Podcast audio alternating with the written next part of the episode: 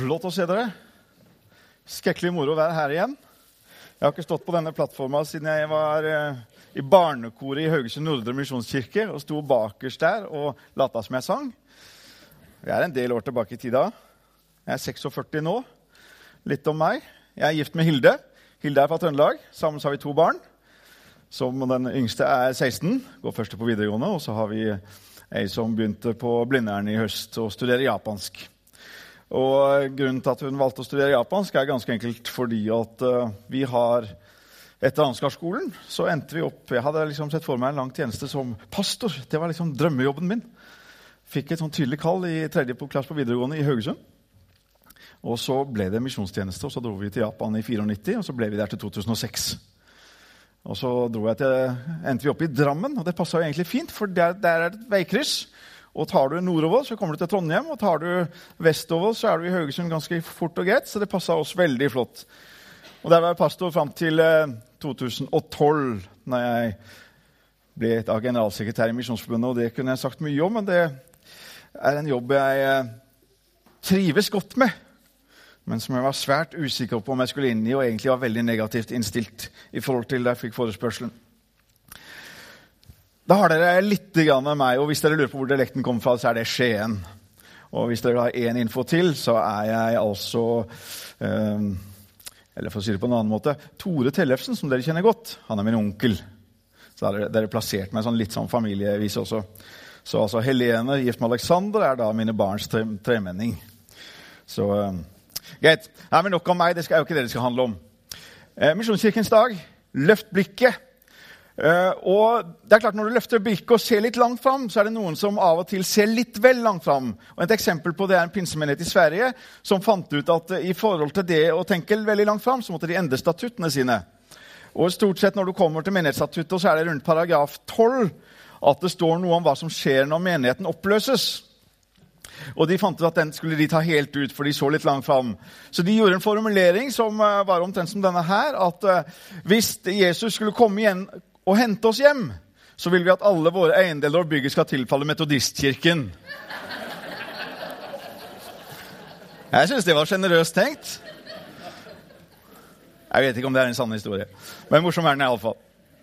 Dere, Jeg skal begynne med en, eh, en annen kar. Eh, ikke disse her pinsevennene i Sverige. sa jeg at Det var pinsevenner. Det var kanskje ikke meninga. Eh, da får vi opp et bilde på veggen. Og noen av dere, ja kanskje aller fleste, alle, vet hvem dette her er. Jeg hører Disney allerede. ikke sant? Det er Walt Disney. Det er riktig. Walt Disney han hadde en drøm. Det var etter krigen. USA hadde gjennomgått en, det var en relativt depressiv tid også i amerikansk historie. Selv om ikke de var involvert i krigen på samme måte som eh, Europa, så var de likevel involvert. Så eh, etter krigen så var det et behov for noe som Walt Disney fikk en visjon om. Og Det var å lage et sted hvor barn og voksne kunne komme sammen og hadde moro sammen. Så fikk han denne tanken ut ifra tegnesakene sine og pulten sin hvor han satt og tegnte disse figurene, ikke sant? om å bygge en, det han kalte for en magisk park. rett og slett. Hvor, hvor, folk kunne komme sammen og ha det gøy og på en måte glemme hvordan det så ut rundt seg og alt det litt sånn depressive og tunge, men bare ha det moro sammen. I 1955 så åpna Disneyland. Første Disneyland-parken åpna altså i 55. Men Walt Disney han hadde fortsatt en drøm. Og den vokste og vokste. Og så fant han ut at nei, vi skal ikke bare lage en Disneyland, vi må lage Disney World. Og Den ideen kom han opp med i 1965. Men så skjer det tragiske at i 1966 så dør Walt Disney av kreft. Men ideen, drømmen til Walt Disney, den ble tatt vare på. Og i 1971 så åpna det som vi kjenner, og kanskje mange av dere har vært der Disney World ble åpna i 71. Og så står de der på åpningsdagen Masse folk, naturlig nok. Men hovedpersonen sjøl er ikke der. Han døde for fem år siden. Og så står det en journalist, og han har vært så heldig at han har fått plassen ved siden av enka etter Walt Disney. Og så stiller han spørsmålet Skulle du nok ønske at mannen din hadde fått vært her i dag og sett dette? Og de står og ser utover hele Disney World. Og så svarer enka etter Walt Disney at du skal vite at du hadde ikke vært her om han ikke alt hadde sett det. Kom ikke som noe bombe på en måte. Han hadde sett det. Han visste hva dette skulle bli. Og folk hadde grepet tak i den drømmen, den visjonen.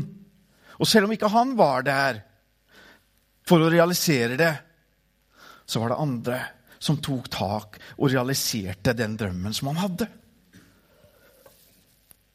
Og jeg syns det er en fantastisk inspirerende historie. Og det er en historie som på mange måter egner seg å åpne en gudstjeneste med også, tenker jeg. Teksten som vi har allerede lest sammen, som Alexander leste så flott for oss, det som vi kjenner som denne bønnen som Jesus lærte oss. Vår Far i himmelen. La navnet ditt helliges. La riket ditt komme. La viljen din skje på jorden slik som i himmelen. Gi oss i dag vårt daglige brød, og tilgi oss vår skyld, slik også vi tilgir våre skyldnere. Og la oss ikke komme i fristelse, men frels oss fra det onde. For riket er ditt, makten og æren i evighet. Amen. Dette er en bønn som sikkert alle vi som sitter inne i kirka i dag, på et eller annet tidspunkt, ja, kanskje daglig til og med, ber. Hva handler det om? Hva handler denne bønnen om? Det er ett sentralt ord som jeg mer og mer fester meg med. Og det er dette ordet vilje. Guds vilje. Det er en bønn om at Guds vilje skal skje.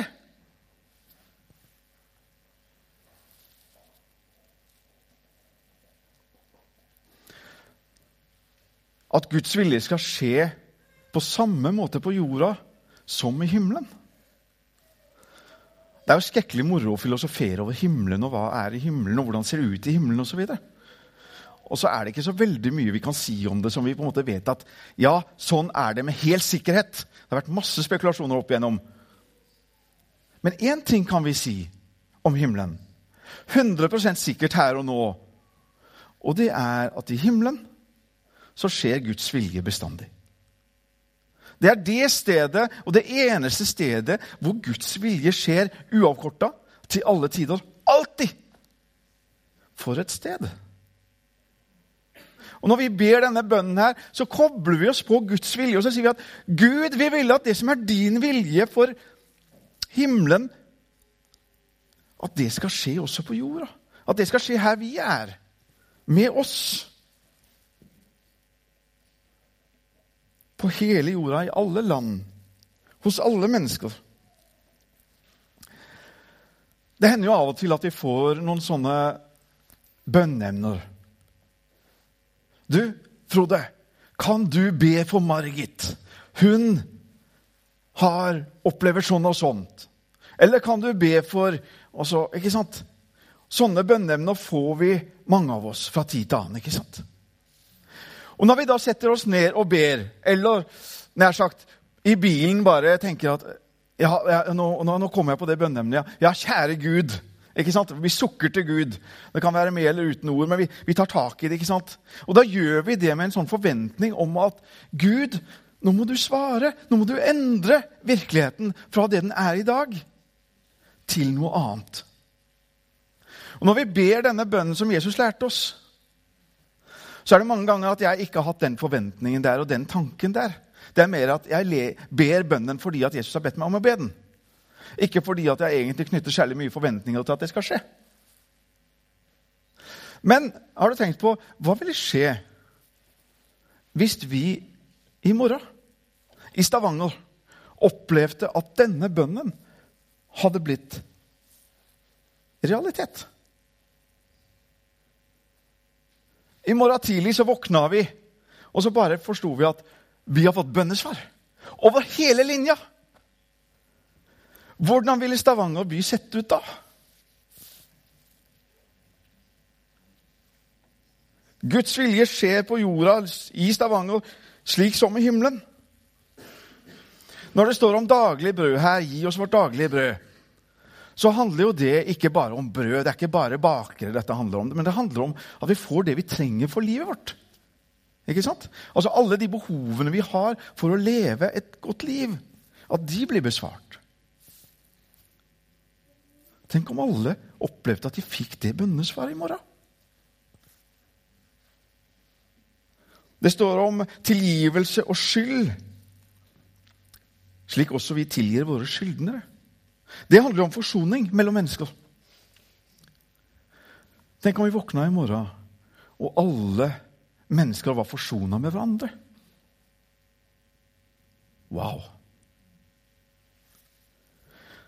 Da hadde telefonen ikke stått stille hos alle psykologene i Stavanger. Folk skulle avbestille timene sine.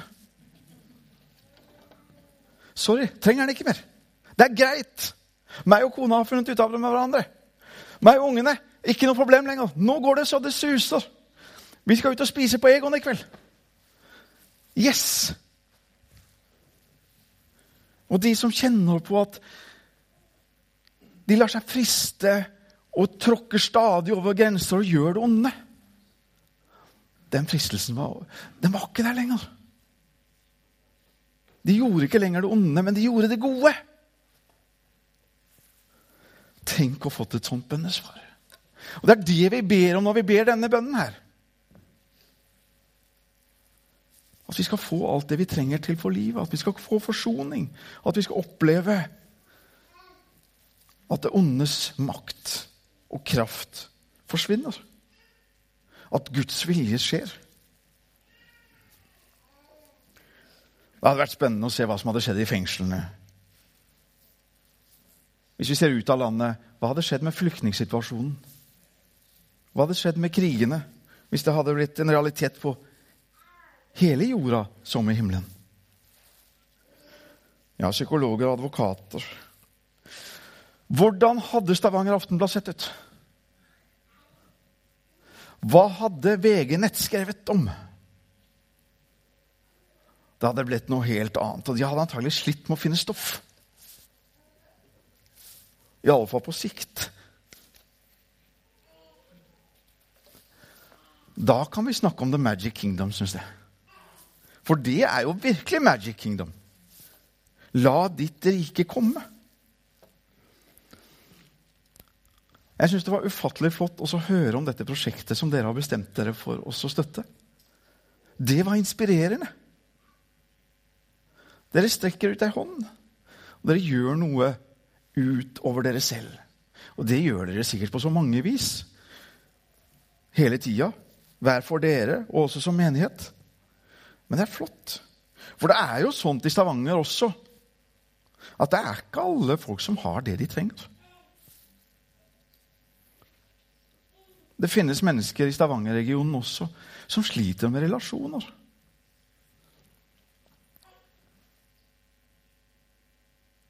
Og det finnes de som ikke klarer å stå imot fristelser. Som lar seg gripe av det onde. Syns det er fantastisk å tenke tilbake til 1937. Da ble menigheten her starta, forteller Frode meg. Da lå det en drøm der som sikkert hadde ligget der litt lenger tilbake i tid også. ikke sant? Som var bakgrunnen for at Ikke Asbjørn, men Henry Johansen kom til byen. Han var vel sikkert invitert av noen. Noen som hadde løfta blikket og sett at vi må gjøre noe for Stavanger. Her er det så mange mennesker som ikke kjenner Jesus. Så inviterer de Henry Johansen, og så kommer han. Og det kommer sikkert flere til, og så blir det vekkelsesmøter. Og ut av dette her så vokser denne drømmen, og den blir delt av flere og flere. Og til slutt så er det bare Vi må plante denne menigheten Stavanger misjonskirke. Og så er det en etablering, og Frode fortalte meg i dag at det var over 300 mennesker som var med på stiftelsesmøtet og var medlem den første dagen. Det er jo rått! Det lå en drøm bak. Noen hadde sett noe. Noen ønska å gjøre noe. Og de gjorde det.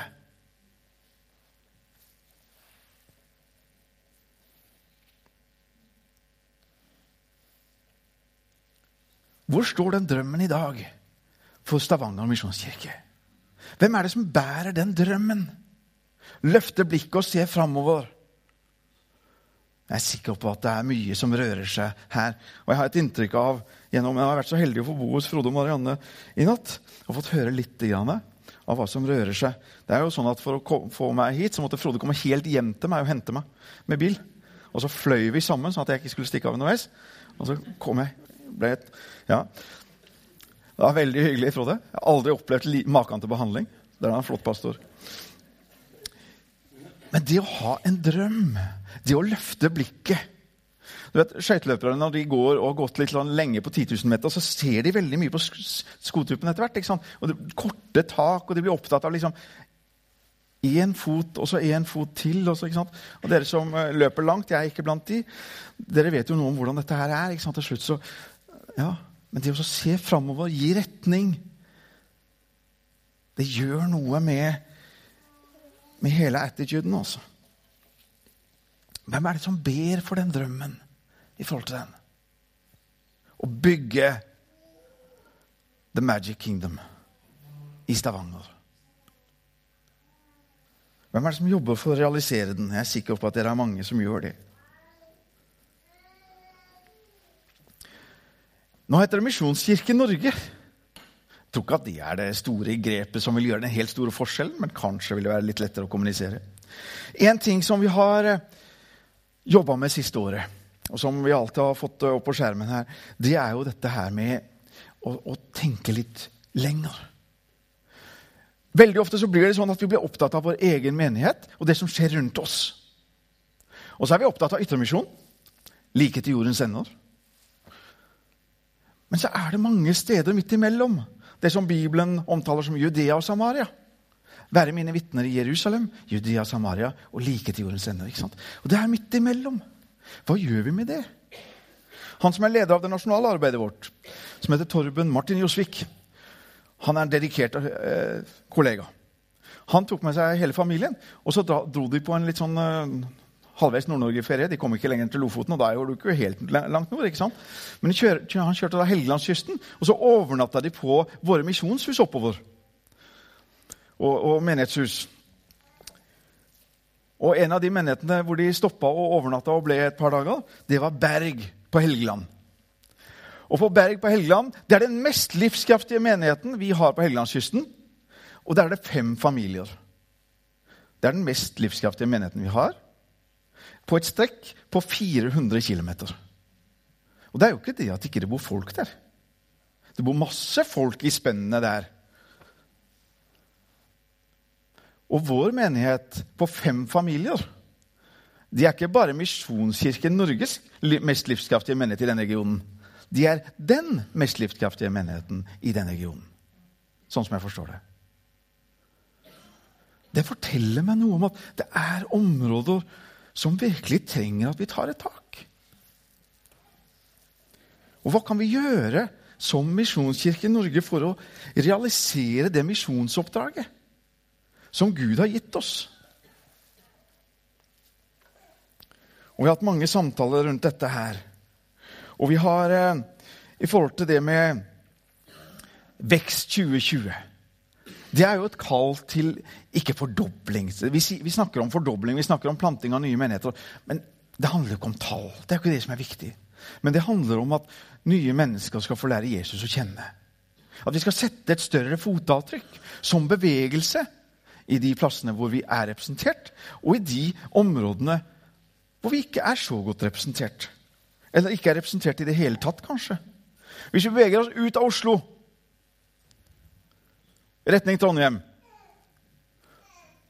så har vi én menighet. Og den er på Rena. Og på en god søndag, og de har ikke møte hver søndag, så er det to på Rena som samles. to. Og det er mellom Oslo og Trondheim. Ellers har vi ingenting. Og vi er en misjonsbevegelse. Ja. Vi har en jobb å gjøre. Det har vi kjent på. Det har vi bedt til Gud for og jobba med. Vi har noe som heter Nasjonalt råd i Misjonsforbundet. og mange av møtene våre, Alle møtene i Nasjonalt råd begynner med halvannen times bibelstudie. Og så har vi gått igjennom mange deler av apostlenes gjerninger på de møtene. Og da kommer vi bl.a. til dette her som skjer i forbindelse med, med andre misjonsreisen til Paulus hvor det står i Apostlenes gjerninger 15, 36 at la oss dra tilbake og besøke brødrene i de, alle byene hvor vi har forkynt Herrens ord, for å se hvordan det går med dem. Og så ut av det så ble det jo oppfølging av etablerte menigheter, men det ble også nye menigheter planta.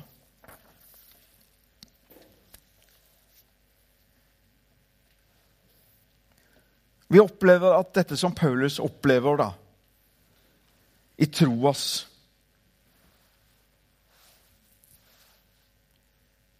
Apostlenes gjerninger 16. Han så en makedonier som sto og kalte på ham og ba, 'Kom over til oss i Makedonia og hjelp oss.' Det er et sånt rop som blir mer og mer tydelig. Og Jeg var i Trondheim og hadde pastorinnsettelse for tre søndager siden. tror jeg det er.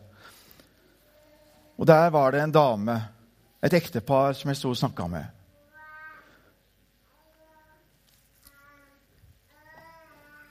Og hun hadde en sånn nød for landsdelen Midt-Norge. Og hun gråt. Og sa at vi må gjøre noe. Halve Misjonsforbundet er i de to Agder-fylkene våre. Hvor er Misjonskirken Norge i resten av landet vårt? Se på Trøndelag. Vi har tre menigheter i Trøndelag. Men hvor mange flere er det ikke behov for? Paulus og Silas de hadde helt andre planer de enn å dra til og høre det her bønneropet. Men de dro, for de opplevde at Gud talte til dem ved Den hellige ånd. Det ble en reell avbrytelse, og det ble noe helt nytt som de ikke hadde tenkt og planlagt. Er vi klare for en avbrytelse? Er vi klare for at Gud kan gripe inn og si at 'hallo, det er dit dere skal'? Er vi åpne for det? Som menighet, som Misjonskirke Norge. Vi legger jo noen planer av og til, ikke sant? og vi blir så fascinert av våre egne planer av og til at liksom, vi blir uforstyrrelige. Men av og til så kan de forstyrrelsene vi opplever både som kirkesamfunn, som menigheter og ikke minst som enkeltmennesker, være anledninger hvor Gud taler inn i livene våre og gjør noe nytt. Forstyrrelser er en mulighet for Gud til å lede oss. Ofte kan det være det, ikke alltid. Det var en landsby som eh, lenge hadde vært eh, plaga av tørke. Det var sent på sommeren, og avlingene var tørre og i ferd med å bli helt ødelagt. Og folka i den landsbyen de eh, var desperate for regn. Det var en liten menighet i landsbyen. De syntes ikke de kunne gjøre så mye, men de fant ut at det var jo én ting de kunne gjøre. Så de tillyste et bønnemøte på torget påfølgende lørdag. Satte opp plakater og innkalte gjennom i alle sine kanaler om at da måtte vi samles alle sammen til bønnemøte på torget klokka tolv. Vi skal be for regn. Og det kom mange folk. Og de hadde bedt også om at folka skulle ta med seg en liten ting, et trosobjekt, eller noe til inspirasjon. Folk møtte opp. Noen hadde med små kors, andre hadde Bibelen under armen. Mange hadde ingenting. De ba fra tolv til ett. Og akkurat når de sa ammen, så oppdaga de at det var ei jente, ei lita jente som hadde tatt med seg noe annerledes enn alle andre. Det var ikke en bibel, men hun hadde tatt med seg en rød paraply. Og hun slo den opp i det regnet kom.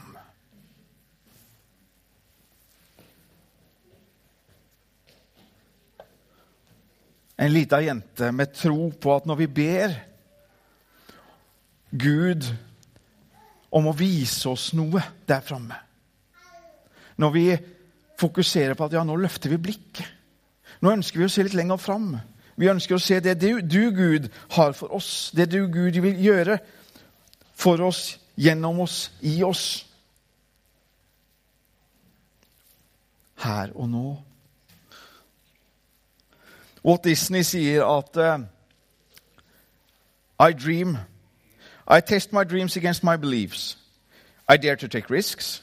And I execute my vision to make those dreams come true. Jeg, drømmer, jeg tester drømmene mine mot det jeg tror på. Og jeg våger å ta risiko og utøve visjonen min på en slik måte at drømmer blir virkelighet. Og det er ikke så helt ulikt det som Augustin, kirkefaderen, sier. Å tro er å tro det vi ikke ser. Og troens belønning, det er å se det vi tror.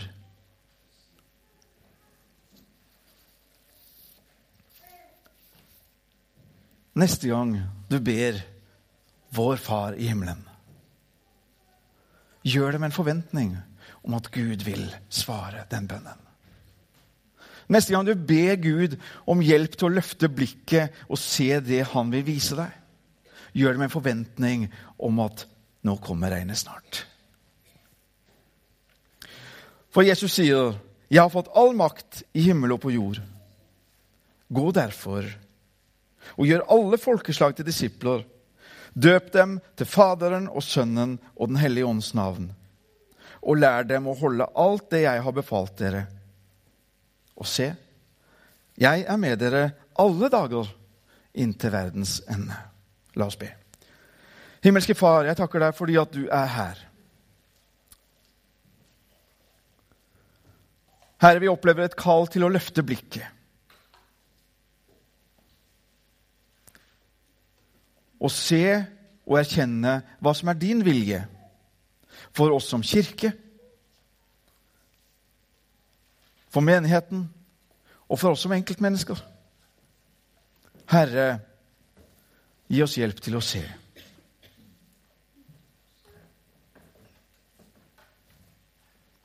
Herre, bygg vår tro på at det vi ber, det kan bli virkelig. Herre, jeg takker deg for mine venner her i Stavanger. Jeg ber om at du må velsigne dem, at du må bevare dem. At du må gi dem den visdommen de trenger, at du skal gi dem din kraft. Og Herre, vi ber om at din fred skal hvile over dem alle sammen. I Jesu Kristi navn. Amen.